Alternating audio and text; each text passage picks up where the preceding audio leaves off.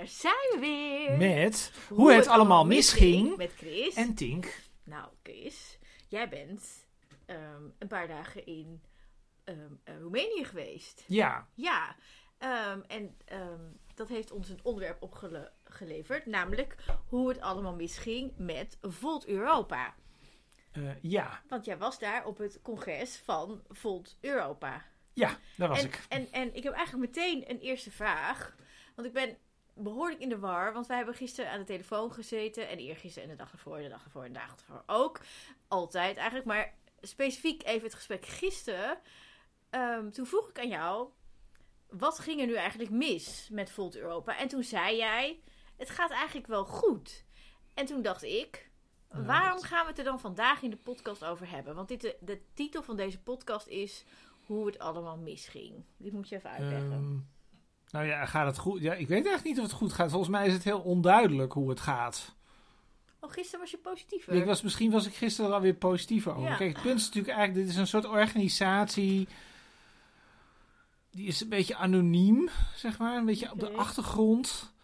Ehm dus ook niet zo makkelijk om erachter te komen hoe het daarmee gaat. Het is misschien, misschien is het meer dat het gewoon niet zo makkelijk is om erachter te komen hoe het daarmee dus gaat. je bent gewoon niet zo stellig, is dat? Ja, ik ben daar niet zo stellig over, over hoe het daarmee gaat. Oké, nee. nou je was gisteren dus wel positief aan de Oh, telefoon. Dat heeft mij verward. ik heb Ehm, daarvan wakker gelegen. Nou, maar zeg maar, kijk, ik kwam gisteren terug Ja, en het was gewoon wel heel leuk. als Dus- in het was gezellig. Nee, het was niet zozeer gezellig. Het was gewoon heel. Kijk, je, dat, ik weet heel zeker als er nou één Europese hoofdstad is. waar de gemiddelde luisteraar ook van deze podcast niet naartoe gaat. Ja. dan is dat de hoofdstad van Roemenië. Ik had tot twee maanden geleden, ik denk ruim een maand geleden zelfs. nooit gedacht dat ik nou ooit nog eens in Boekarest zou komen. Iedereen zegt het ook verkeerd. Dus iedereen heeft het steeds over Budapest, maar dat is Hongarije. Eh, dit is Boekarest, het is heel ver. Ehm, en het was gewoon heel leuk om gewoon daar te zijn. Omdat je gewoon denkt van, ik zou nooit... Ik had niet gedacht dat ik daar ooit zou zijn.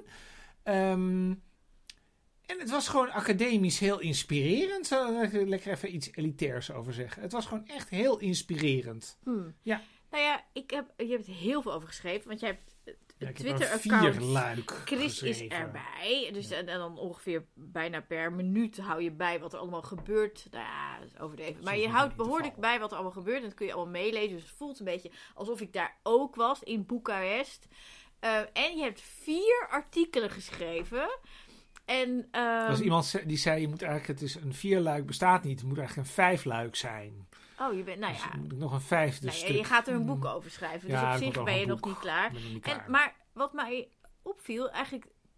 En zonder dat we daar nu even meteen op ingaan, want ik denk dat we hiermee moeten afsluiten. Maar ik wil het alvast toch wel weggeven. Namelijk, volgens mij de meest bijzondere analyse. die ik niet helemaal zag aankomen. waarvan ik wel dacht: oh ja. Is dat Volt Europa helemaal geen politieke partij is, maar een NGO? Ja, en dat is eigenlijk. ehm, dat is eigenlijk dat, misschien hebben sommige mensen niet eens door. Kijk, Volt Europa presenteert zich als een Europese partij. Ja, die mee wil doen aan de Europese verkiezingen van komend jaar. ja. En die in 2019 ook al meedeed aan de Europese verkiezingen. En ik Maar- denk dat mensen ook denken dat Volt Nederland gewoon En- onderdeel is van Volt Europa. Dat het allemaal één grote club is. Ja, ehm, eh, en Volt, Euro, eh, Volt Nederland is ook een politieke partij. Ja, Dus het ligt erg voor de hand om nu te denken. Volt Europa is ook een politieke partij. ja of dat het hetzelfde is Of het is hetzelfde. Nou, en dat Ja. is eigenlijk niet zo. Nee. Dit is, dus heel, dit is dus heel grappig, want ik heb er dus allemaal stukjes over geschreven. En Zou je dan kunnen Ja? zeggen dat de verschillende Volkspartijen in de verschillende landen een soort franchisers zijn? Als, zoals een McDonald's franchise Ja, heet? zoiets. Zoiets. Nou, nee, eigenlijk nee. Het is, Nee? nee? het is eigenlijk een soort. con- Ja, is het een concern? Nee, het zijn. Want ze zijn autonoom, toch? In principe. Ja, misschien is die franchise, de constructie niet eens gek. Nee, wat ik eigenlijk wilde zeggen, dat wil ik eigenlijk eerst zeggen. Kijk, ik was erover aan het schrijven. En het fijne van schrijven is, dan kunnen mensen dat nog eens een keer teruglezen. Wel ze het niet snappen. Of als ik het slecht heb opgeschreven. Ja. En het is eigenlijk heel moeilijk om dit. ehm, om überhaupt uit te leggen wat dit is. Misschien is dat wel wat er misgaat. Het is een heel ingewikkeld eh, ding, Ja. eigenlijk, een Europese partij. Terwijl het klinkt eigenlijk heel eenduidig. Mhm. En dan denk je, oh, dat is een politieke partij in Europa of op Europees niveau of zo. Ehm, en het is helemaal niet zo eenduidig wat dat is.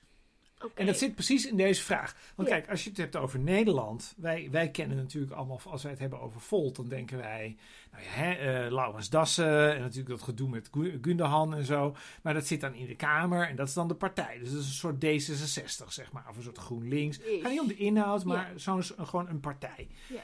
Maar Maar ze refereren wel de hele tijd aan Europa. ja, en zij zijn heel erg en, met en aan Europa. de Europese club. Ja, maar ze zijn natuurlijk heel erg met Europa bezig. Maar D66 en GroenLinks zijn ook met Europa bezig. Ja, maar- dus dat maar is niet zo. zij- En Geert Wilders ook Maar, trouwens. maar, maar Volt, die refereert aan de, de Europese club Volt. Ja, en dan, en dan komen we eigenlijk bij hetgene waar het dus volgens mij misgaat, dat niemand er nog iets van begrijpt. Dan, dan, dan heb je dus Volt Europa en dan, dan is eigenlijk al de eerste vraag eigenlijk van, is dat nou hetzelfde als, als Volt Nederland? Ik dacht van wel, maar ja, dat, is, dus niet dat is zo. niet zo. Dat Nee. wist ik ook, dat dat niet zo was. Want Volt Europa is een. eh, je, zou, je zou het eigenlijk kunnen zeggen als het is een moederpartij en een dochterpartij, zeg maar. Dus je hebt de moeder, Hm. dat is, de, dat is Volt Europa. En Volt Europa heeft Is een dochters. soort NGO. Ja, maar dat is van later. Oh. Heeft allerlei partijen in verschillende Europese landen. Dus je kunt ook naar die website toe en dan zie je eigenlijk voor elk land heeft zijn eigen website. Dus er zit in Nederland zit Volt en in Duitsland heb je Volt Duitsland, en je hebt Volt Denemarken en nou ga zo maar door, zo heb je er een hele hoop. Ja, maar jij zegt dat ze hebben allemaal een eigen website. Maar ik las ook ergens in een van je verslagen dat er wel een soort Volt Europa filmpjes en campagnemateriaal Ja, wordt nou, aangeleverd. Wat eigenlijk veel te universeel is. Nee, eigenlijk de indruk, dat, dat wekt de indruk dat het Volt Europa een partij is. Ja. En nu is het, het grappige. En jij vroeg je ook af van is het wel bruikbaar voor Volt Nederland? Nou ja, de vraag is dan dus, want dat, dat, en daarom zit dat met die franchise, dat is wel interessant. Kijk, als je een supermarkt franchised, of een winkel, of een Ja. kledingwinkel, Ja. dan heb je een zekere vrijheid. Heb je dan. Ja, je hebt bepaalde regels, je hebt het logo en eh, Ja. Ik kan me herinneren dat ik ooit bij een supermarkt werkte en dat werd een franchise-onderneming. En dat was de EDA, die bestaat inmiddels niet meer, maar die hadden heel veel dingen, hadden ze niet. En het eerste wat die man die dat ging franchisen deed, was die haalde alle producten in het assortiment die de EDA niet voerde. Want iedereen vroeg daar altijd om en we moesten altijd zeggen, ja, gaan we naar de Albert Heijn toe, want we hebben het niet. Ja. Dat is, dat is franchisen. Dus je hebt wel een logo, je hebt een soort regel, een Ja, soort ja, concept. Ja. En ehm, dat is eigenlijk met die Volt-partijen ook zo. Ja. Die Volt-partijen, dat had je goed bedacht. Dank je, dank je. Al die partijen, dat zijn eigenlijk de, de- bijvoorbeeld als zo'n franchise supermarkt zeg maar failliet gaat, Ja. dan gaat de Albert Heijn die daarboven hangt, gaat niet failliet. Want die hebben gewoon dan, die hebben alleen een contract hey, met dan die even, nu we het er zo over hebben, Ja. zo'n vraag die mij is een leuke eh, vergelijking eigenlijk. Ja, zou dan bijvoorbeeld ehm, in Brazilië ook een Volt franchise kunnen beginnen? Nou, dat is een beetje een stom. Dat is nee, want dat is, tenminste, dat denk ik, want het, is, het gaat over Europa. En Mhm. Bra- Brazilië ligt niet in Europa. Goed punt, ja. Doe ik flauw met mijn tong uitsteken. Maar wat wel zo is, is kijk, Volt is bedoeld als, ja, eigenlijk niet eens als Europese partij, maar als EU-partij. Mhm. Maar er bestaat ook een Volt Albanië, een Volt Oekraïne en een Volt Groot-Brittannië. Dat is raar, want dat is niet EU. En dat is geen, en misschien zelfs wel een Volt Zwitserland. Eh, en dat is geen EU. dus Dus dan het gaat is, het over het continent. Nee, maar het is natuurlijk nee, want- nee, want het gaat over de EU. Dus het aardige is, wat je hier dus aan ziet, is dat het dus al ingewikkeld wordt. Want dan denk je dus van, oké, het is de bedoeling om eh, één Europa te maken. Nou, dat is de EU. Dat is Ja. niet, dat is, ja, sorry, daar zitten Oekraïne en Groot-Brittannië niet in, of niet meer in. Ehm, maar ja, als gewoon zo'n bestuur van Volt Europa denkt, ja, wij vinden eigenlijk Oekraïne wel leuk. Ja. Of Of, wij vinden- Brazilië, voor... Nou ja, dat precies. dat zou kunnen. Dan kan dat, dan kan dat eigenlijk ook. Ja. En de vraag is dan dus, dus wat je dan krijgt, dat beschrijf ik ook, is je krijgt dan dus een organisatie op Europees niveau die heel veel regels maakt. Dus die gaan allemaal, die gaan precies bedenken hoe ze dat dan moeten organiseren. Dat al die, dat al die ja, filiaaltjes of die franchise-nemers, ja. die franchise-nemers in al die landen, dat die dan allemaal zich een beetje aan het Volt-concept houden. Dat is eigenlijk, want dat is eigenlijk wat zij moeten doen. ja.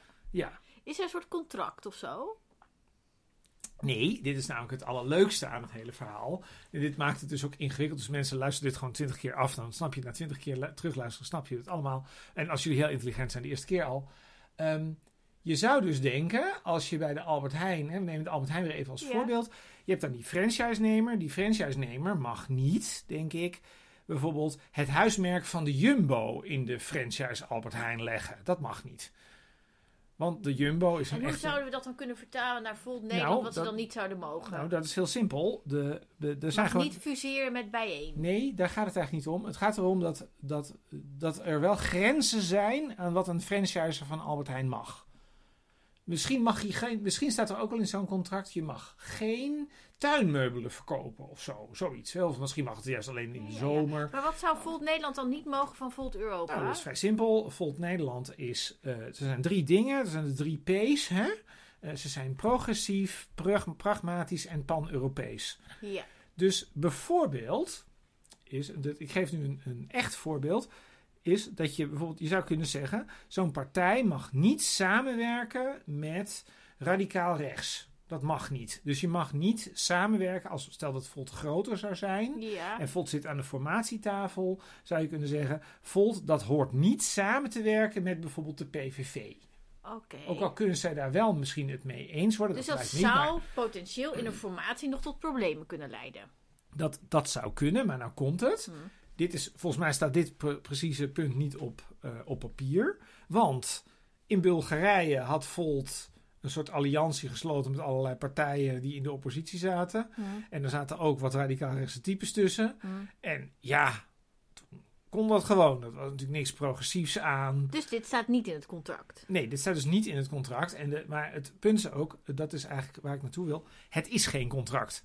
Het is natuurlijk een soort, een soort, ja, een soort eh, belofte, zou je kunnen zeggen. Dus je zou kunnen zeggen dat in Nederland is een groepje vrijwilligers, is Volt Nederland begonnen. En die, die, komen, die hadden al contact met Volt Europa. En die zeiden, nou, we vinden dat Volt Europa doet, dit vinden we wel leuk. En wij willen in die lijn wel door in Nederland. Zo ging dat ongeveer. Maar zit ik nou te denken, want Volt Nederland is de grootste afdeling, zoals de grootste franchiser van Europa. Ja, het is een nogal machtige franchiser in ja, het geheel. ja, ongeveer de helft van heel Volt Europa is Volt Nederland. Eh, ja, daar komt het op neer. Ja, Ja. goed. Dus het zou kunnen, in theorie, dat Volt Nederland ineens, om wat voor reden dan ook, eh, andere ideeën krijgt dan Volt Europa. Dit is waar ik naartoe wil. Ja, en dan zou het kunnen dat ze zeggen, nou, we laten Volt Europa los. We gaan afsplitsen, we gaan gewoon onze eigen koers varen. Dat zou kunnen, want het is namelijk een losse organisatie. Maar het is zelfs nog, het gaat, je maakt eigenlijk een veel te grote stap. Je zou ook gewoon kunnen zeggen: Weet je wat, Volt Nederland wil gewoon lekker bij Volt Europa blijven. Maar bij nader inzien vinden wij bijvoorbeeld, eh, nou. Wij vinden dat het wel wat minder kan met het klimaatbeleid bijvoorbeeld. Hè, want Volt is voor klimaatbeleid. Stel dat Volt Nederland zou zeggen, nou wij willen dat anders dan Volt Europa.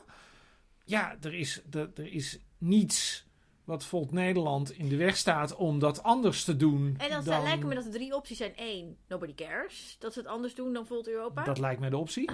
Twee, eh, er wordt vanuit Volt Nederland druk gezet op Volt Europa. Dat, dat Volt Europa zeg maar dit overneemt. Nou, ik denk dat dat meer andersom is. Ik denk dat Volt Europa tegen Volt Nederland zegt: Hallo, dat hebben we op Europees niveau zo niet ja, met elkaar Volt afgesproken. Nederland is de helft van Volt Europa. Dus dan hebben ze al de helft van de Je stemmen. denkt te snel, dit is het punt. Maar het zou in theorie, de theorie is, eh, de leden hebben bij Volt Europa bepaald wat het programma is. Ja, En dat programma moet in al die landen worden uitgevoerd. Dus er zit een zekere hiërarchie in. ja. Dus Nederland kan daar niet zomaar onderuit. Dus Nederland kan niet zeggen: Nee. wij vinden de LHBT's niet belangrijk of zo, zoiets. Nou, nou is de vraag, wat zou er gebeuren als Nederland dat toch zou zeggen? Dan- Dan moet Volt Europa tegen Volt Nederland zeggen... Hé, hey, hallo, zo is het niet afgesproken. Maar het zijn allemaal dubbelleden, toch? Dus, dus, Ja. dus, dus de leden Volt Nederland zijn ook vaak lid van Volt Zeker. Europa. Dus als leden Volt Nederland vinden, we vinden LHBTIQ, whatever, eh, allemaal niet belangrijk. eh, Ja. Kan. Dat, zou zomaar lijkt kunnen. me, eh, lijkt me niet, maar dat zou- stel dat ze in doen. theorie, ja, precies. Ehm, dan geldt dat eigenlijk al voor de helft van Volt Europa. En dan... Ja, maar daarmee is het programma nog niet aangepast. Dus Nee. voorlopig werken ze met het oude programma. Dit is op den duur is dit waar. Maar wat je krijgt is... Dan zou het Europese bestuur van Volt Europa... dus moeten zeggen tegen Volt Nederland... Hallo, je schendt het programma. Hm. En nou is de vraag... wat Laurens Dassen dan gaat doen. En ik Ja. denk dat Laurens Dassen, als Laurens Dassen zelf vindt dat het anders moet dan wat Volt Europa heeft bedacht, dat Laurens Dassen denkt, stik er maar in. Ja, want die heeft namelijk heel hard gewerkt. Want Laurens Dassen heeft gewerkt, heeft een functie, Ja. heeft, weet dat hij de helft van de leden van Volt Europa meeneemt als Volt Nederland. En ik zou bijna zeggen, Laurens kan gewoon tegen het bestuur van Volt Europa zeggen, nou, als het jullie niet bevalt, ben benieuwd wat je eraan gaat doen. Ja, Ehm, ja. En Want dan dat is gaan ook natuurlijk... opvallend, want Laurens Dassen en Marieke Koekoek waren niet in Boekarest. Nee, dat zegt natuurlijk ook heel veel. Want Wat zegt dit? Nou, het zegt, de, de, de, de, we moeten misschien wel even bij zeggen dat zij beide, geloof ik, net vader en moeder zijn geworden. Dat is waar. Dus dat is wel een, waarschijnlijk een reden. Mhm. Maar het interessante is natuurlijk, kijk, Volt Nederland is, heeft een hele grote stem in Volt Europa. Voor de helderheid, ze zijn vader en moeder geworden, maar niet van hetzelfde kind. Ja, niet van hetzelfde kind. Dat zou ik eigenlijk Ja. even zeggen. Ze hebben wel allebei een andere partner. Ja. Ehm, ehm, En dat een voor ander de- kind dus. En ook zijn- een er twee kind. Er zijn twee kinderen geboren. Even voor de helderheid willen dit niet, willen geen ruiling suggereren. Maar ehm, nou ben ik wel helemaal meteen mijn punt Sorry. kwijt. Wat was nou... Waar waren ze er niet? En dat had met een waar- kind te maken. Ja, Marieke Waarschijnlijk. Koekoek is op dit moment met verlof. Dus er zit een, er geeft Volt op dit moment een derde Kamerlid, Oh, namelijk? Ernst Boutkan. Die was er ook niet. Die was er ook niet. Ehm, terwijl het gekke natuurlijk is, is dat er eigenlijk geen enkel land is, ja, Bulgarije heeft er dan eentje, ehm, waar Volt zo'n duidelijke nationale parlementaire aanwezigheid heeft als Nederland. En toen ik anderhalf jaar geleden, want toen was ik ook bij Volt, maar toen was dat in Lissabon. Toen werd Laurens Dassen, nou ja, wil niet zeggen als Sinterklaas binnengehaald, maar daar kwam het toch wel ongeveer op neer. Iedereen was razend enthousiast over, over Laurens Dassen, want Laurens Dassen had natuurlijk het voorbeeld gesteld van hoe het met al die nationale partijtjes, ten meerdere eer en glorie van Volt Europa, zou moeten gaan. Ja. Dus het is natuurlijk toch een beetje gek dat anderhalf jaar later zelfs het vervangende Kamerlid, want ik bedoel, dan zou ik bijna tegen Ernst Boutkan zeggen, nou Ernst, eh, je bent een paar maanden Kamerlid, want Marieke Koekoek is een paar maanden met verlof. Dit was ongeveer het enige moment waarop jij naar zo'n congres kon gaan en een beetje Ja. op je borst kon kloppen en kon zeggen, ik ben op dit moment Kamerlid. Want Het dat kun je over een paar maanden niet meer. Het is niet dat er vergaderingen waren. Maar het punt is hier natuurlijk, dat, dat, daar gaat het natuurlijk echt over. Waar, waar ligt Boekarest? Laten we daar eens mee beginnen. In Roemenië. Dat is echt heel ver. Dus de, de stewardess vertelde mij dat het de, de verste bestemming is samen met Istanbul, Hoe lang Lissabon. vlieg je daarop? Dat is drie uur. Stel je niet aan, dat is niet nee, ver. Nee, maar binnen Europa is dat wel het verst. Ja, maar het is niet nee, ver. Nee, maar het is wel ver binnen Europa. En het punt is, is dat je dus, dat kost dus tijd. Je bent dus een halve dag bezig om daar te komen. Dan kost die conferentie kost je twee dagen. Het begint op zaterdag, dus je moet er vrijdag al heen. Dus je bent je vrijdagmiddag ook al kwijt. Dan ben je je zaterdag kwijt. Dan ben je je zondag na. Dan kon je op zich zondagavond eventueel wel weer terug. Maar je bent toch al snel 2,5 dag kwijt. En nou is het punt daarvan natuurlijk. Dan moet je het wel heel belangrijk vinden. En mijn stelling Maar zou we zijn dan... een klein jaar voor de Europese verkiezingen. Dat lijkt me voor een pan-Europese partij. Maar hier zit een precies het punt. We zitten een jaar voor de Europese verkiezingen. Volt Europa is opgericht omdat ze mee willen doen aan de Europese verkiezingen. Precies. Omdat zij een gezamenlijke eh, groep willen hebben in het Europees Parlement. Dan is dit het moment om de energie in Volt Europa te steken. Niet twee en jaar geleden. is er niemand. En dan is een deel van de Nederlandse, nou ja, dus waren raadsleden. Hè, dus ik bedoel, Uit Imane, Eindhoven en zo, en Imane Rotterdam. El Filali en zo. Ja. En Judith Broers, eh, Amsterdam, Rotterdam, Eindhoven, Maastricht gezien. Arnhem zelfs. Dus daar waren best wel, oh, Enschede ook. Dus dat eigenlijk dat had best wel, ik zou bijna zeggen dat dat best wel goed. Ehm, dat daar allerlei mensen van waren. Maar dat zijn natuurlijk toch, ja, met alle respect voor raadsleden. Maar dat zijn natuurlijk niet de smaakmakers. Ik bedoel, wij zien natuurlijk in Nederland op de televisie Moeder Laurens. Moet natuurlijk toch, dat is het gezicht van Vol. Dat is niet de fractievoorzitter uit Amsterdam. op één dag heen en weer had moeten vliegen om daar een uur een vlammend betoog Maar te nu houden, komt toch? natuurlijk het hele punt. En dat is precies waar het dus misgaat. Daarom gaat het dus mis met Volt Gaat dus wel Europa. mis. Goed, Gaat het ja. dus toch mis. Gelukkig Klopt maar. toch maar. Ehm, Nou, gelukkig hij, kan daar wel, hij kan daar wel naartoe gaan.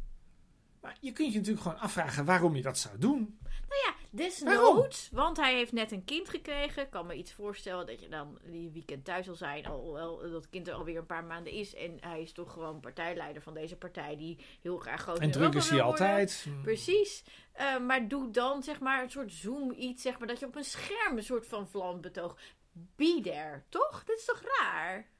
Nee, ik denk dat het niet raar is. Niet raar? Ik denk dat deze mensen hebben gewoon privé en in de Kamer heel veel te doen. Dus ik begrijp dat volkomen. Ik dat ook helemaal niet verwijt. Dat is meer analyse Ik vind beschouwend. het raar. Ik vind, ja, ik vind het ook raar. Maar ik vind het aan de andere kant ook weer niet raar. Ik vind als je het belangrijk vindt, die Europese club. Ja, ja, maar ik vind het dus raar dat ze het niet belangrijk vinden. Nou, dat weet ik niet als ze het niet belangrijk vinden. Ik denk, je kunt ook heel veel dingen belangrijk vinden. Dat het geen enkele vorm van consequentie heeft. Ja, dit is toch raar? Nee, ja, belangrijk, als je iets echt serieus belangrijk vindt, Hm. dan toont zich dat in je gedrag. Ja. Dus in die zin is dit natuurlijk niet, dit is natuurlijk een soort onverschilligheid. Ja, dus, dus we weten nu dat zeg maar de landelijke fractie Volt Nederland vindt Volt Europa niet zo Ja, belangrijk. jij zegt het allemaal, kijk, ik ben veel meer van de mitsen en de maren en jij maakt dat heel scherp. Mhm. Ik denk dat zij dat best allemaal best heel, heel charmant en belangrijk en leuk vinden.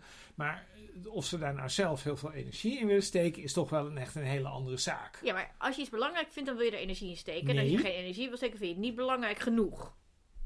Eh, nou, in de prioriteitenlijst stond dit toch wat laag. Laten we het dan, eh, ja, ik het nou, dan dat, zo dat is dan, dan, ik Nou, concludeer we daaruit niet belangrijk. maar Maar dat- even, ja, even want voordat we dat we, want ik heb een programma gemaakt. we zijn al 20 minuten bezig, We maar het geeft niks 20 hoor.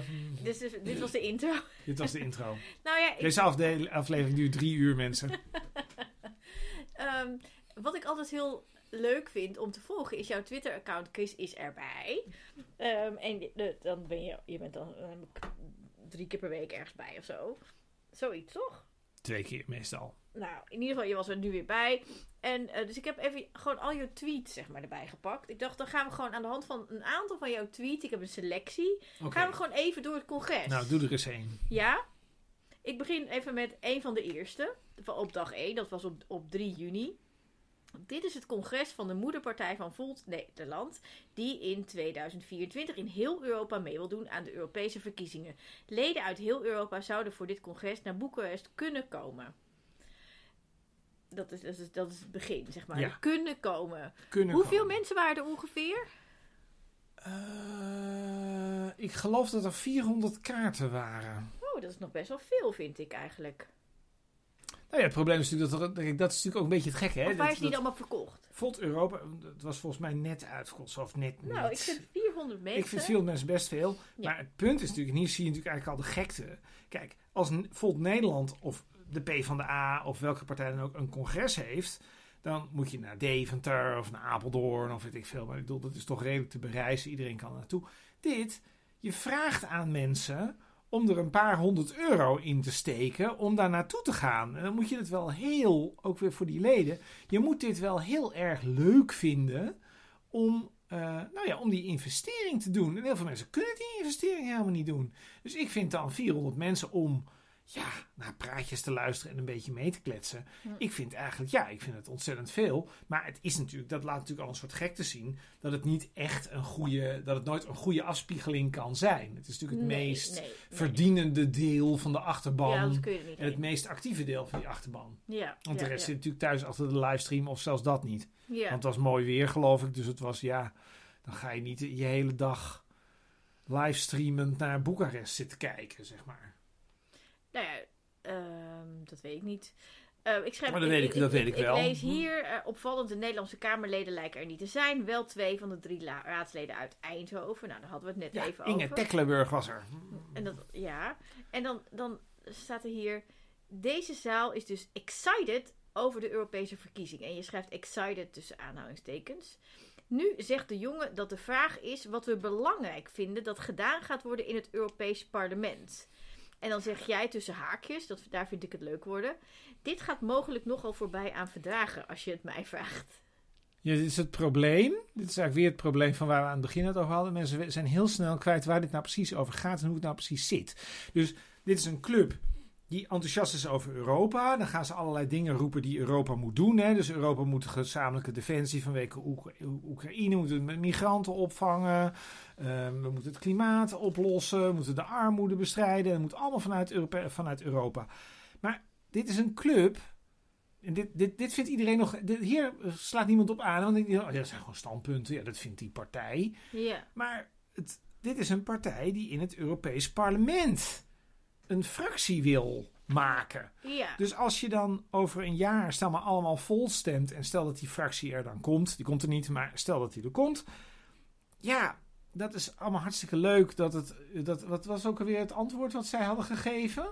Deze zaal is excited over Ja. de Europese verkiezingen. En nu zegt de jongen dat de vraag is wat we belangrijk vinden dat gedaan gaat worden in het Europees Ja, dat is, parlement. geen, dat is geen punt. Het Alsof punt is. Volt iets gedaan gaat krijgen in het Europees Nee, dit is het parlement. punt niet. Het punt, is, het punt is dat de EU alleen dingen kan doen die in verdragen staan dat de EU die gaat doen. En dat in die verdragen ook staat of het Europees Parlement erover mee kan beslissen. Maar heb jij de indruk dat de mensen die daar zaten niet zo goed snappen hoe het werkt? Ja, dat weet ik wel zeker. Want het hoofddoel, het hoofddoel, daarbij gaat het namelijk mis. Hmm, gaan we weer.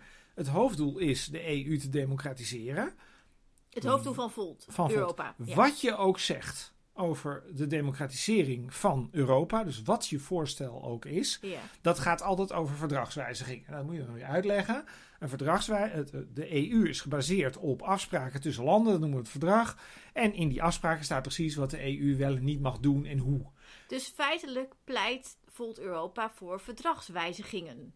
Ja, dat is niet altijd even duidelijk wat ze dan precies willen, maar dat, dat, dat is wat ze doen. Ja. En het punt is, is dat het Europees Parlement, waar Volt dus straks eh, in verkozen wil worden, die gaan niet over verdragswijzigingen. Wie gaan er wel over De lidstaten, want de lidstaten bepalen met z'n allen hoe de EU functioneert.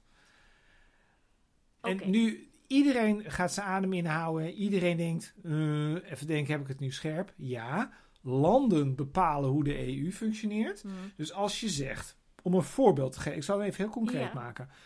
Het Europees Parlement kan niet zelf het initiatief nemen om wetten aan te nemen. Dat moeten de landen, de lidstaten moeten dat doen. Nee. Dat, de, we hebben met elkaar afgesproken. Ja, dit is, dit is, dit is wel leuk even als voorbeeld. Dan hebben mensen een beetje ja. een idee in wat voor soort moeras je dan terechtkomt. Initiatiefrecht heet dat. Hè? Dus dat is van we willen een nieuwe Europese regel die nog niet bestaat. ja. Nou, de, de, de verdragen moeten daar de mogelijkheid toe bieden. En dat moet dan, dat moet dan uit de Europese Commissie komen. Ja. Frans Timmermans en zo. ja. Nou, als de Europese Commissie dat dan heeft voorgesteld, dan gaan de landen en het Europees Parlement moeten het daar dan allebei mee eens zijn. Ja. En dan kan die regel echt ingevoerd worden. Dat is het traject, als je het even heel simpel zegt. ja. Maar dit Nu- gaat over verdragen. Nee, het punt is, dit is allemaal volgens, dit, is, dit heeft het verdrag specificeert hoe dit precies moet. Het is Ja. veel gedetailleerder, maar dit is wat allemaal in zo'n verdrag staat. Dan kun je zeggen, mensen hebben dan kritiek, Ja. en ja. dan zeggen ze, of een van de vele mogelijkheden, het is eigenlijk heel raar dat het Europees Parlement niet het initiatief kan nemen tot een wet. Maar is dat echt raar? Dat is, nee, nou, dat, daar verschillen de meningen over, maar er zijn mensen die dat vinden. Dus er zijn mensen die vinden, het Europees Parlement zou bij, zou bij meerderheid moeten kunnen besluiten dat er een Europese wet over iets moet komen, of daar in Ja, ieder geval een aanzet dus of je wil dat er meer of minder naar Europa gaat. Nou, bijvoorbeeld dat bijvoorbeeld het budget wordt verhoogd, of dat er een Europese wet tegen de dakloosheid komt. of Dat het, nou, stel dat je zou zeggen, we willen in heel Europa willen we het wet, eh, willen we een wet maken dat er overal abortus gepleegd kan worden. Zoiets. Dat, dat zal waarschijnlijk niet kunnen, maar zoiets. Dat kan nu alleen uit de Europese Commissie komen. Als de landen hebben afgesproken dat de Europese Commissie zoiets überhaupt mag beslissen. Ja. Dat het idee van dit soort partijen is, is dat het goed zou zijn als de gekozen Europarlementariërs, Ja. door ons gekozen, dat die dat kunnen, dat die dat kunnen initiëren. Ja. Zoiets.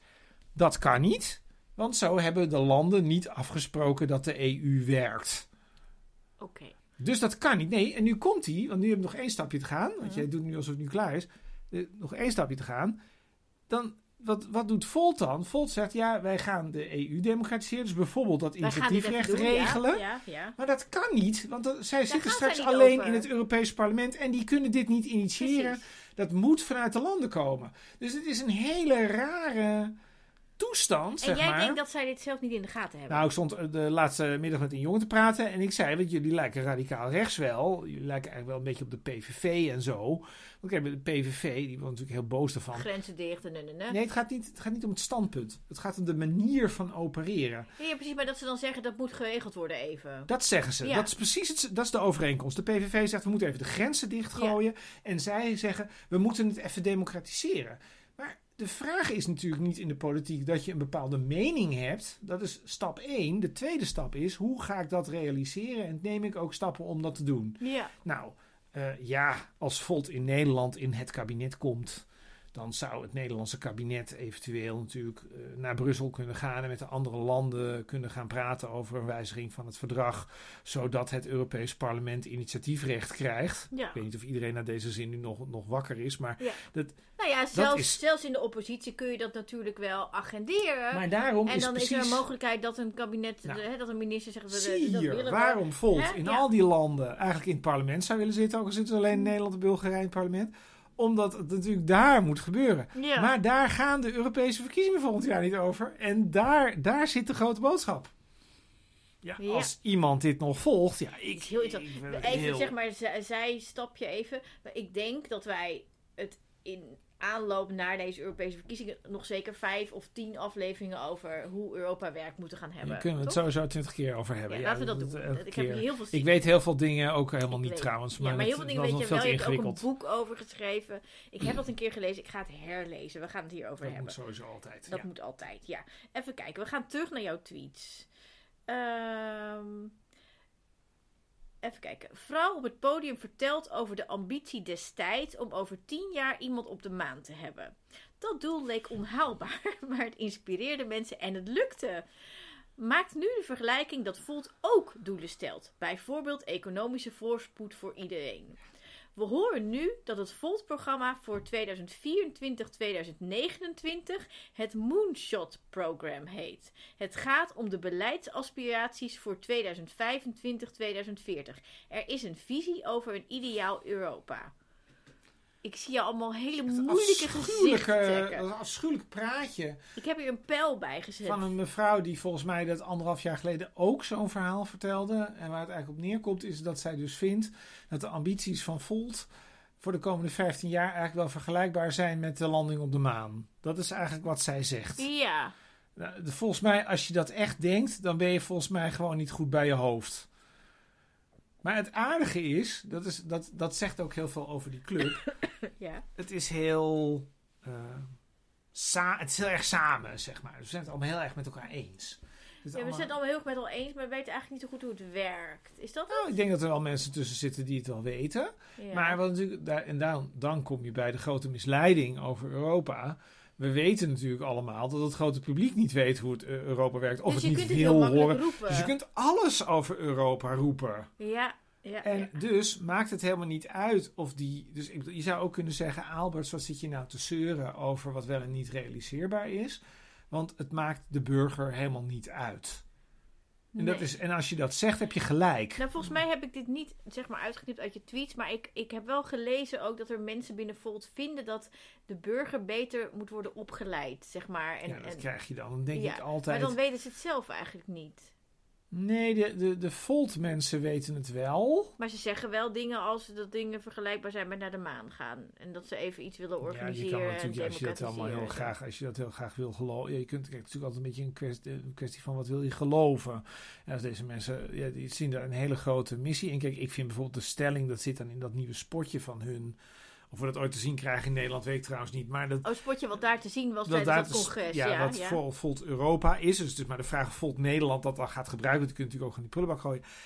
Dat, in dat spotje wordt dan gezegd van er zijn allerlei problemen. Je armoede en klimaat en droge rivieren in Oekraïne en zo. En dan zeggen ze ja. ehm, en als we nou straks, als we nou beter gaan samenwerken met elkaar, eh, dan wordt het allemaal opgelost. Ja. Dan denk ik ja, je kan dat natuurlijk geloven. Nou ja, in theorie zal dat in wel theorie zo is zijn. dat, nou, ja. dat, nou, dat weet ik niet zeker, maar dat, dat, of dat zo is. Maar je kan dat natuurlijk. Het, het, ja, geloven staat vrij. ja, ja, ja. Ja, toch? ja. Dus Nou ja, ik, ik kom even bij een volgende tweet en dan, dan schrijf jij... Uw verslaggever denkt, dat ben jij... Het is heel onduidelijk hoe dit programma is ontstaan. Al zal het inhoudelijk intern niet controversieel zijn. Gewone partijcongressen doen dit echt niet op deze manier. Hoe amendeer je, amendeer je dit? Je ziet dat in dit congres ook niet echt terug. Waar ging dit over? ehm, dit was een beleidsteam. Dat is altijd een beetje het eh, belangrijkste woord van Volt ongeveer. Het beleidsteam is een belangrijk woord. Ja, een beleidsteam. Er zijn heel veel beleidsteams en die schrijven beleid. Oké. Die schrijven Ja. stukken Dus met de ambities. Oké. Ehm, en dus een beetje de vraag van ja, hebben die leden die nou in die zaal zitten daar nou over mee kunnen praten? Kun je als lid, zeg maar, amendementen, moties, weet ik het wel, Ik heb indienen, echt, ik ben, helemaal de, ik ben daar helemaal de kluts bij kwijt, als ik gewoon heel eerlijk ben. Ik, denk, ik denk eerlijk gezegd dat het een online discussieproces is. Dat is wat ik denk. Dat ze een soort vorm hebben Dat of zo, van die gewoon een ja, ze hebben een soort internet, ze hebben intranet en zo. En dan zijn er wat mensen die dat dan coördineren. En dat Als je leidt dan lid wordt van Volt. Ja, dan kun je op Workplace, heet Ik dat ben nooit geloof lid ik. geweest van Volt. Ik ben van heel veel partijen lid geweest. Maar misschien is lid worden. Kun je Ja, maar ik ben meepraten even over de klaar met van iedereen democratisering. lid zijn. Ik ben gewoon nu alleen nog lid van de Partij van de Dier. Daar Kun je ik democratiseren, kun je. Ik Europa ben ermee klaar met democratiseren. al die partijen.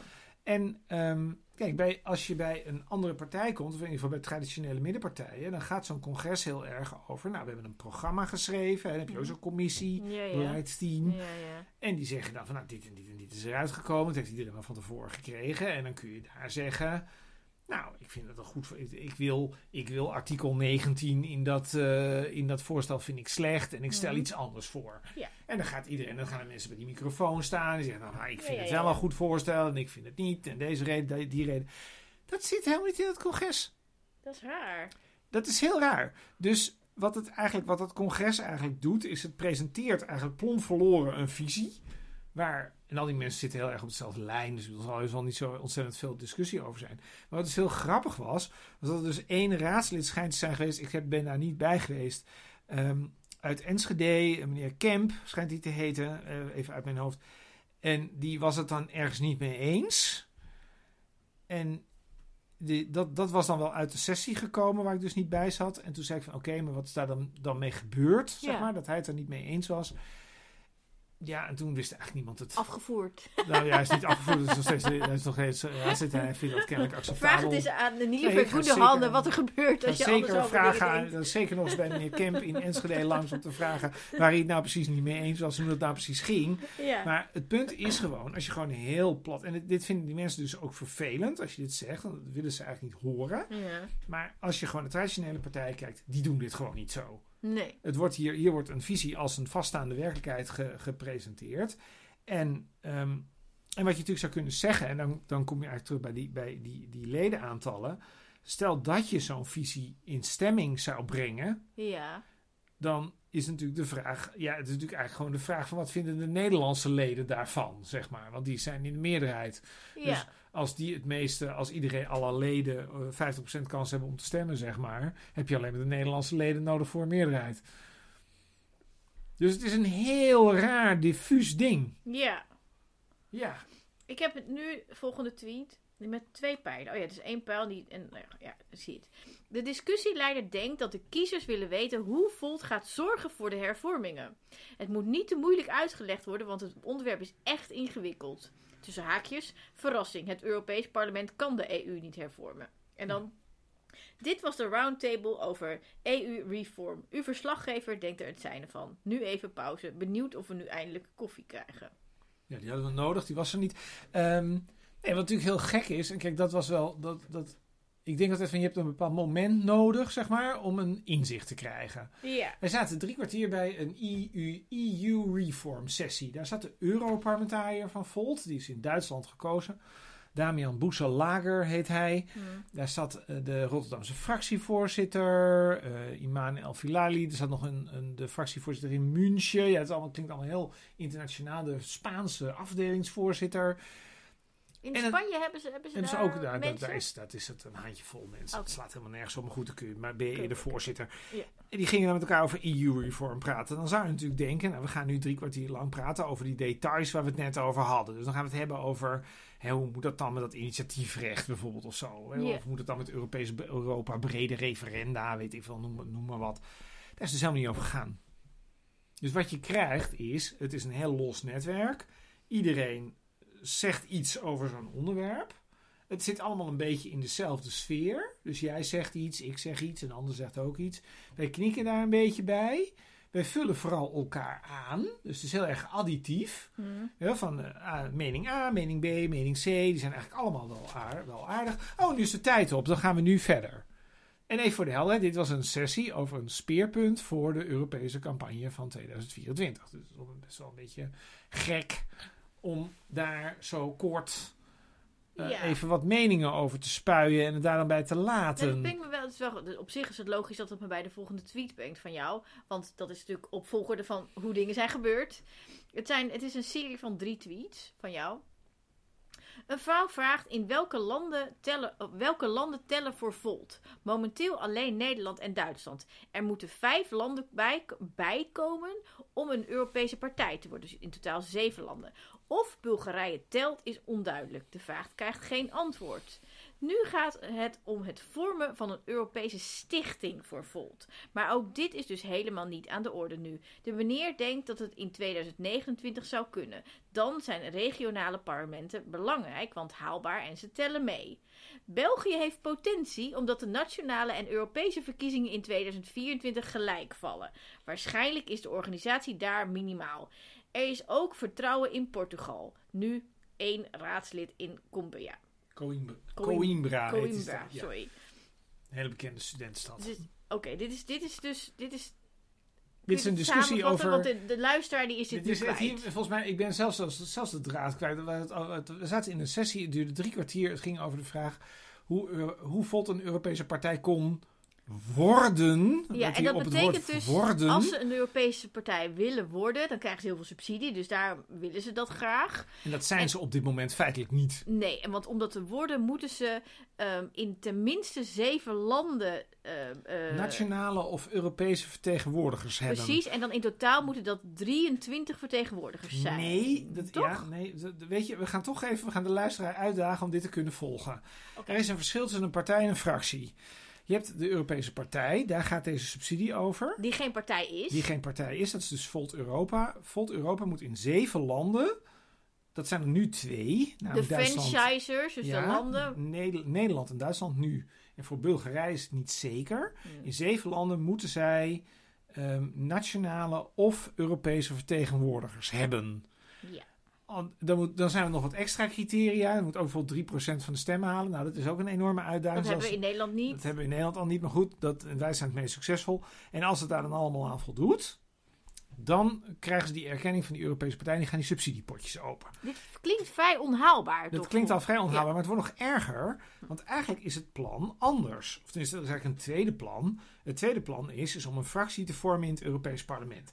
Nou, in het Europees Parlement zitten nationale partijtjes en die gaan samen zitten bij elkaar op politieke kleuren. Ja, dus je hebt Christen-Democraten ja, ja, en er zit de CDU in, de CD&V en het CDA, et cetera. Precies. En ze willen daar een eigen fractie. Daar wil Volt, wil met, op basis van één programma in allerlei landen Volters verkozen krijgen en dat dan samen bij elkaar in een fractie stoppen. Dat kan niet zomaar, want het Europees Parlement heeft daar zelf regels over gemaakt. ja. En wat betekenen die regels? Ehm, er is enige verwarring over of het 25 of 23 Europarlementariërs zijn, maar volgens de website van het Europees Parlement zijn het er inmiddels 23. Je moet 23 Europarlementariërs verkozen krijgen in minstens zeven landen. En als die verkozen zijn, dan heb je een groep. En als dat niet zo is, ja, dan kun je dus alleen maar aansluiten bij iets anders. Nou, Ja. dat is nu het geval. Dus je hebt nu die, die Boeselager uit Duitsland, dat is de enige die van Volt gekozen is. Hm. En die zit gewoon bij de Groenen, dus dat is eigenlijk GroenLinks vanuit Nederlands perspectief. Ehm, om de doodsimpele reden, ja, hij kan niet in zijn eentje een fractie vormen. Dus je hebt die 23 man nodig. En ehm, als je dat haalt, Ja. dan heb je ook subsidie. Oké. Dus dan ben je eigenlijk die Europese partij heb je dan ook. Maar is nu het doel van Volt Europa dan om subsidie te krijgen? Nee, Oh. het doel is om die aparte fractie te krijgen, omdat je dan een soort nieuwe dimensie in de politiek krijgt. Hm. Maar het, het punt is natuurlijk, die, kijk, de kiesdrempel ligt per land verschillend. Ja. Dus in eh, Malta, bijvoorbeeld, even het extreemste voorbeeld, hebben geloof ik zes Europarlementariërs. Ja, dan moet je dus wel echt 10 of 10% van de stem of zo halen om überhaupt één Europarlementariër te kunnen afleveren. Ja. In Nederland is het geloof ik iets van 3,5%. En de laagste kiesdrempel is Duitsland. Want Duitsland heeft de meeste Europarlementariërs en het is proportioneel. En daar heeft Volt dus ook één zetel gekregen. Nou, als je dan dus nadenkt over waar kan Volt dan zetels gaan halen komend Hm. jaar. Hm. Volt, eh, ja, Vol- ja, Volt. Nou, in Duitsland zou best die zetel nog een keer kunnen komen. Misschien zelfs wel twee. Denk het niet, maar misschien. In Nederland Wellicht. zou dat toch ook wel kunnen. Misschien één of twee of zo. Wil mensen komen. Misschien wordt het wel iets populairder. Maar in al die andere landen. In Italië was toch ook Ja, daar zitten wat gemeenteraads... Ja, maar weet je, je moet je, je, moet je gewoon eigenlijk gewoon voorstellen... Kijk, Italië is dan het derde land van Volt. Dan gaan, we, even, gaan we even afpellen.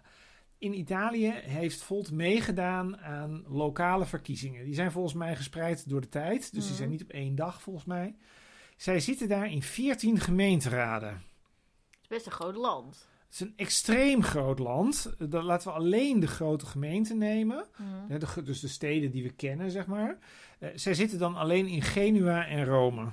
Oké. Dus eh, de, alle, en dan hebben we het dus over alle namen van alle steden in Italië die jij kunt noemen. Of dat nou Cagliari is, of Palermo, of Napels, of Venetië, of allemaal niet. Piacenza, of wat dan ook. Daar zitten ze allemaal niet, rest het zijn allemaal kleine dorpjes en dat soort dingen.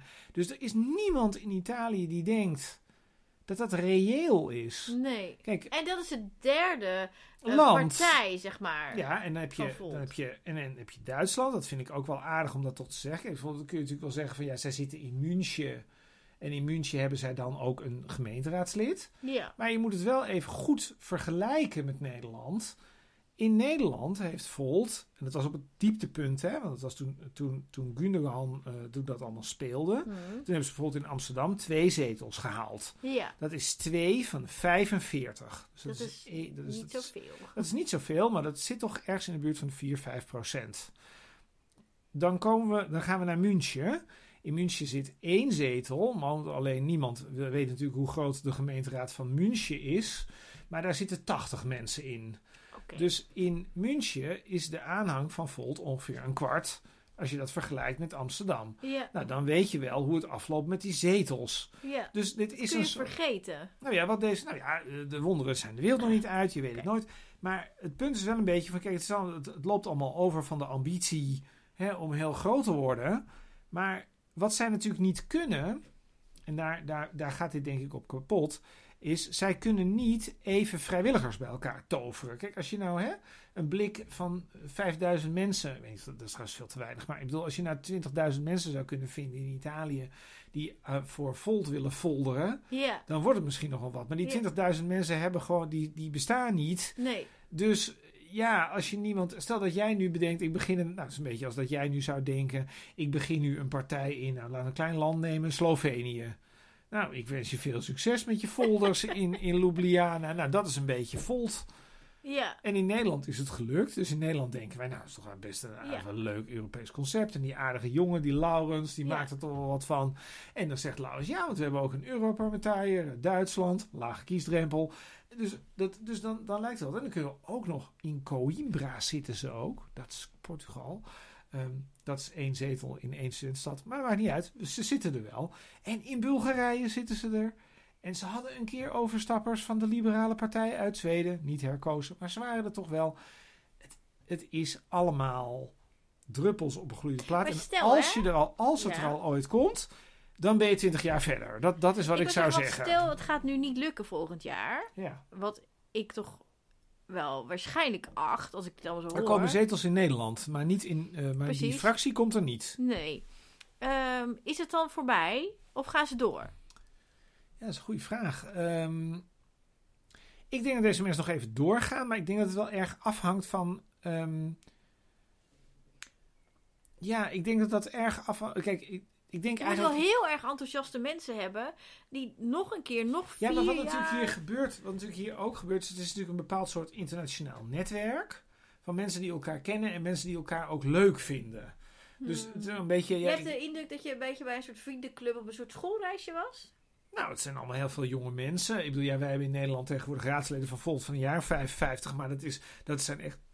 De uitzonderingen die lopen er een beetje verwees bij, bij in Boekarest. te laten Nee, ik, zat, ik had even de hik.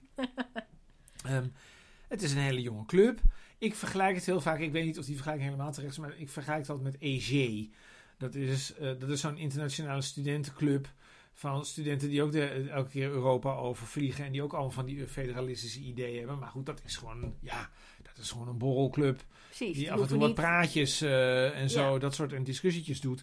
Dat is iets anders dan een club die zegt: we, We gaan, gaan, eh, Europa hervormen. Precies. Ik denk als je Europa wil hervormen, dan moet je er gewoon voor zorgen dat de Sociaaldemocraten of de Christendemocraten er goede ideeën over hebben. Dat lijkt me eerlijk gezegd veel efficiënter. Nou, dat weet ik dan ook weer niet. Maar Nee, maar even afgezien we van gaan of even dat terug kan. naar je tweets. We gaan even terug naar je tweets.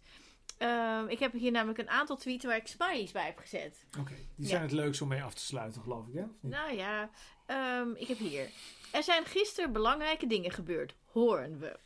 Dit is op dag 2. Een serveerster in een restaurant was heel emotioneel dat Volt voor Roemenië opkomt. Door te pleiten voor opname in Schengen. Applaus. Ja, dit is ook, dit is ook wel aardig. Hieraan zie je namelijk de, hieraan zie je namelijk de moeilijkheid. Dit is, dit is de presentatrice die dat zegt. Ze zijn dus in een restaurant geweest. Ze hadden gedemonstreerd om, om Bulgarije en Roemenië in Schengen te krijgen. Ja. Nou, zij zitten niet in Schengen, hè, dus daar zijn gewoon die paspoortcontroles nog. En ehm, wat is heel interessant is dat dan de Europese voorzitter, dus dat is die France- Francesca, ze hebben er twee overigens, je hebt dan Reinier, maar Francesca die zei op de eerste dag dat het racistisch is dat Roemenië niet in Schengen zit.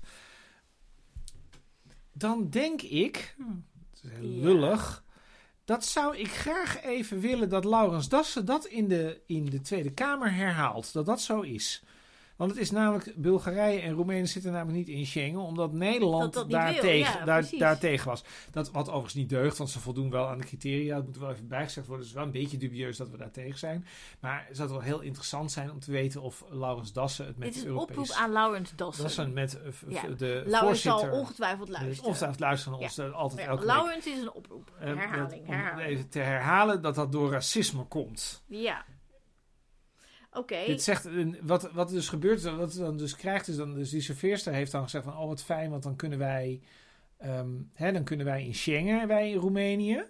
En het aardige is dat ik juist denk van, dat laat dus precies het probleem van Volt zien. Want Volt kan wel zeggen van, wij willen bijvoorbeeld, hè, bijvoorbeeld Schengen heeft natuurlijk bij ons een hele andere betekenis dan in Roemenië.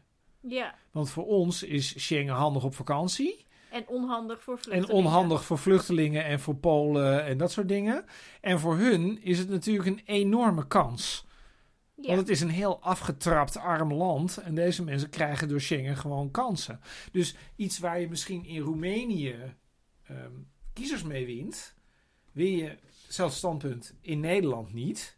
En het wordt nu nog erger.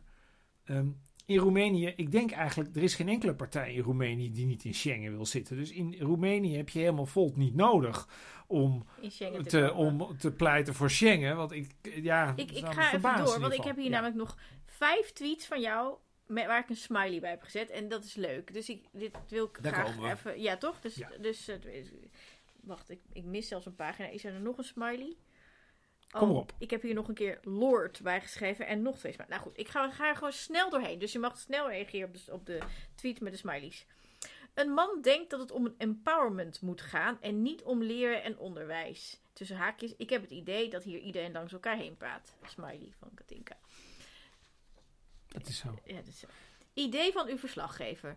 Voor de nieuwe ideeën moet je zeker niet bij Volt Europa zijn. Dit is eerder een campagnemachine voor standpunten die al bestonden, allemaal in de progressieve en internationale hoek. Prima, maar origineel is het allemaal niet. Dat klopt. Zij doen, zij, zij suggereren Oh, dat hier geen zij, smiley bij. Oh, is zij suggereren dat zij hele bijzondere ideeën hebben. Mhm. Terwijl ik denk de hele tijd, ik zit altijd aan mijn, een van mijn favoriete Europarlementariërs te denken. Je moet het even kort houden. Sophie Ja. in het veld. Sophie in het veld vindt die dingen ook allemaal. En die zit dan in het Europees Parlement. Oké, hier, Dus weer, waar gaat dit nou over? hier weer smiley. Ik hoor in de lift een man zeggen dat er veel positieve energie is en dat dat erg zal gaan helpen in 2024 bij de verkiezingen. Het is wel precies ongeveer na- de naïviteit. Hier, ja. nog een smiley. Nu vertelt Juliette Broersen dat Nilofer Gundogan haar aanzette om zich te kandideren. Zo is Gundogan toch nog niet helemaal weg bij Volt. Ja, dat vond, vond ik gek, want ik dacht namelijk van, oh, ik heb wel eens met Gundogan gepraat natuurlijk. Eh, ik wist niet dat Gundogan ook... eh, Wie is mensen- Juliette Broersen? Juliette Broers is fractievoorzitter in Amsterdam. Oh, want dus Dus- ik, ik lees hier dan ook. We horen Juliette Broersen nu zeggen dat het niet haar taak is steeds koffie te halen. Applaus. Ja, het is- ze zijn heel woke, zijn ze. Wij bij een panel over ehm, vrouwen in de politiek. En dat ging heel erg over hoe je je als vrouw in de politiek moet, moet, eh, moet profileren. En eh, Juliette gaf dit voorbeeld van dat er heel veel vooroordelen zijn. Nou, dat ze natuurlijk ook gewoon gelijk in heeft.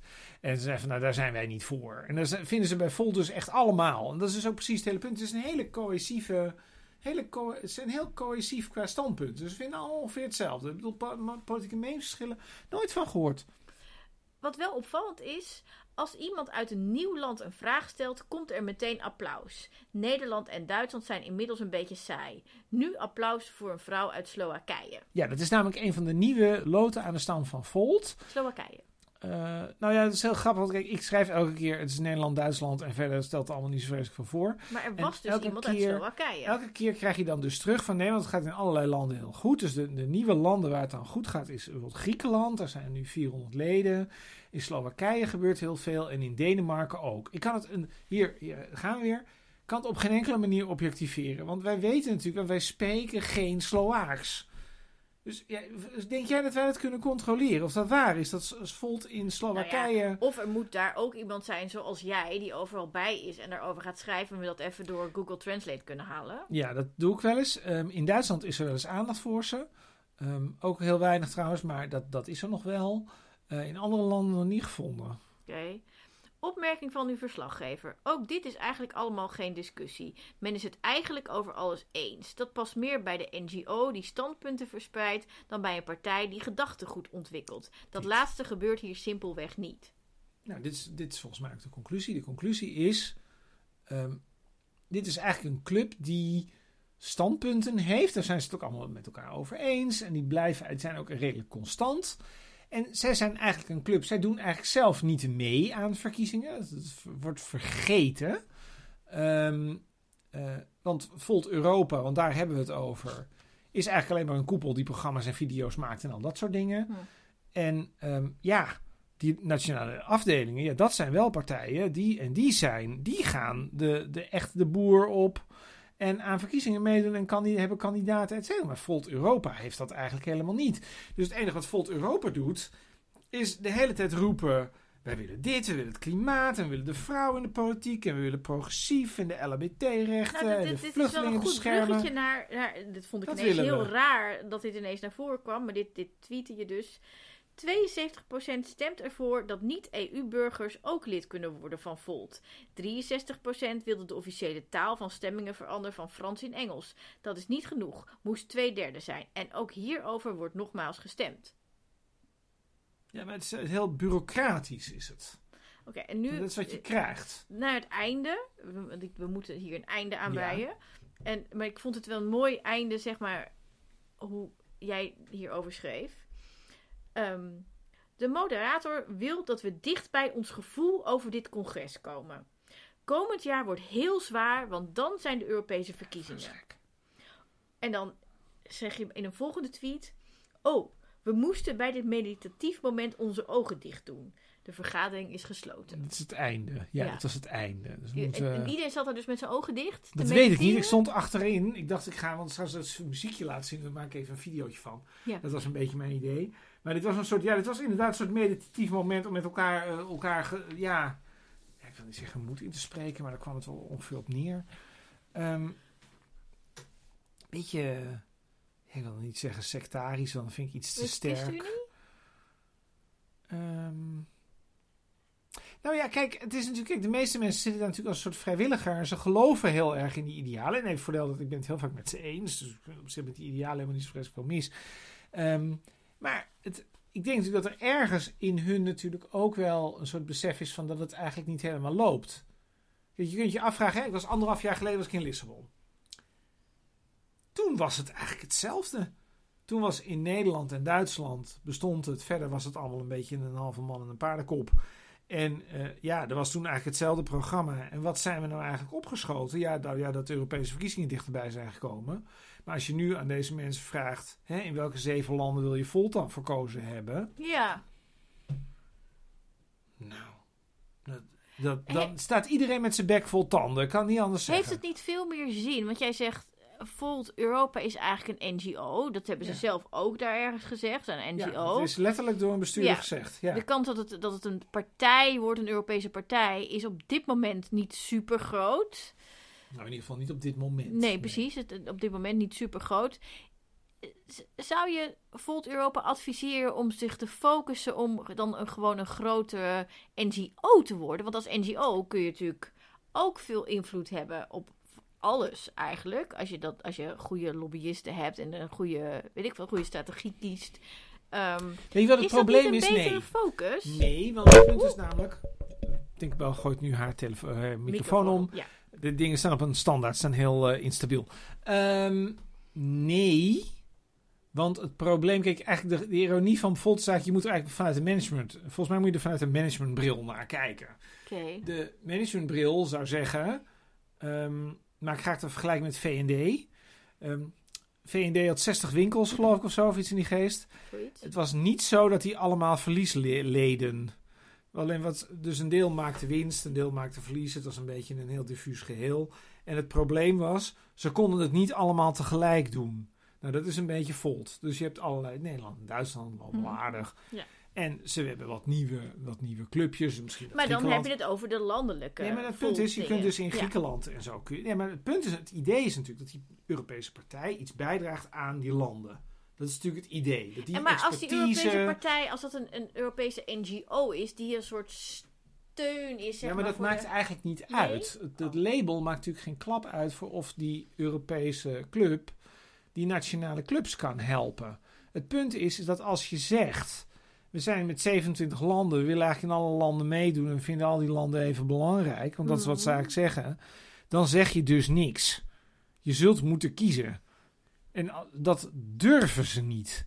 Zij durven, sterker nog, ze hebben gewoon geen idee. Want ik bedoel, ja, zeg jij maar of het nou in Slowakije, eh, Portugal, Griekenland, Slovenië of Litouwen het meest kansrijk is om aan de Europese verkiezingen mee te doen. Dan sla je me dood. Dit is te zacht. Ik wilde een soort van soort subtiel, omdat ik dacht, we gaan maar iets aardigs zeggen over mensen. Ja, ik ga iets aardigs zeggen over. ehm, nu, ben ik toch, nu weet ik toch niet helemaal zeker of je nou Erik Kemp heet, maar volgens mij wel. Die heb ik niet gesproken op het congres. Ja. Dat is een raadslid voor eh Volt in Enschede. En hij was En hij daar. was, het erg, hij was het er ergens niet mee eens. Oh, dat is die. En dat Oh, vind ja. ik echt zo fijn Dat in zo'n het- setting. Dat iemand het gewoon eens ergens niet mee eens. Dat heeft hij ook bevestigd trouwens. Want zij wel even langslopen. En eh, hij vond het fijn dat ik er was. En ik vond het fijn dat hij het ergens mee oneens was. Want het is echt in deze club echt uniek. Oké. Dat je dat gewoon durft. En ik ga nog uitzoeken waar hij het nou niet mee eens was. Ja. Want dat vind ik namelijk echt Ik ook ook heel... heel in- benieuwd. ben ik ook echt gewoon heel benieuwd naar wat dat kunnen dan we vast was. een keer over napraten ja, ook. kunnen misschien een keer over napraten. Misschien kunnen we hem in, misschien moet jij hem interviewen, een soort special maken Oh over ja, hem. zal eens over nadenken. Ja, Ja. ja. Oké. Waar ga jij iets aardigs over zeggen? Nou, ik dacht een beetje in het kader van zeg maar het, het, het, het Volt Europa als NGO. Ehm, er zijn natuurlijk ook NGO's waarvan wordt gesteld dat ze eigenlijk te veel politiek zijn. Ehm, en dat vind ik zelf eigenlijk wel heel goed. En ik moest dan denken aan Urgenda en de klimaatkwestie. ehm, waar ook kritiek op is, omdat het dan te politiek zou zijn. Mhm. Dus ik wil iets aardigs zeggen over Marjan Minnesma. Die dan misschien wel meer effect heeft of impact of waarde heeft of bestaansrecht of nou ja, nou... eh, Het heeft zin om NGO te zijn. Het is niet zo dat als je een NGO precies. bent dat het er dan niet meer Ik te denk doet. dat Urgenda meer impact heeft op de wereld dan, Dan- Volt Europa. Daar sluiten wij mee af, maar niet zonder te zeggen dat jullie eh, fan van ons kunnen worden.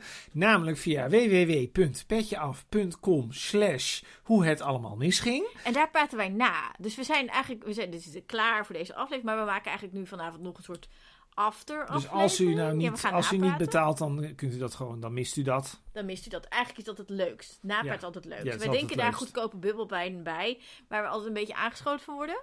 Nou, valt wel nou, mee. een beetje. En sommige mensen, wij hebben inmiddels, het schijnt ook dat wij fans hebben. Die vinden het zo leuk dat wij dat doen. Dat ze Dat daar zijn- hele, gewoon dat helemaal uitpunten. Dat zij dat helemaal, Ja. Er is eh, gewoon Totaal. iemand die dat ons gewoon helemaal uitgetypt heeft. Ja. Dus dat is echt de Ja, moeite er waard. bestaat dus een transcript van een van onze afleveringen volledig gewoon van Hoe dat grote kan, fan. Ja, Vinden we ons heel leuk. het gewoon leuk. ja we Dus, gaan dit ehm, publiceren, toch een keer. Ja, we gaan vast nog wel een keer iets mee doen. Of zo. gaan we een keer voorlezen. Gaan we ons eigen gesprek nalezen. Dat dan ben, ben, jij, ben jij mij en dan ben ik ja, dat jou. gaan we doen. Dat doen we. Dat gaan we- Ehm. Dit gaat u ook een keer lezen. Dat gaat u ook op een een podium of zo. Dat is leuk. Ja, oh ja, ik wil nog iets zeggen. Oh, ja. Ja, Ehm, want eh, Chris is namelijk komende zaterdag op mijn verjaardag jarig. Ja, en eh, Tink is komende week zaterdag op mijn verjaardag jarig. Ja. Dus, dus als u zeg maar echt, echt fan bent van ons, dan zetten we een hoedje op. Ja, dan En eten we een taartje? nee, petje af. Petje af, precies. Ja, Ik was even aan het inleiden. Dus petjeaf.com slash hoe het allemaal misging. En dan doet u dus een extra hoge donatie voor onze verjaardagen. Ja, En een taartje eten. Precies, Ja. mag sowieso taart Ja, eten ja, zaterdag. dus de 10 juni het is. Dus Doeg. Ja, doeg! Thank you.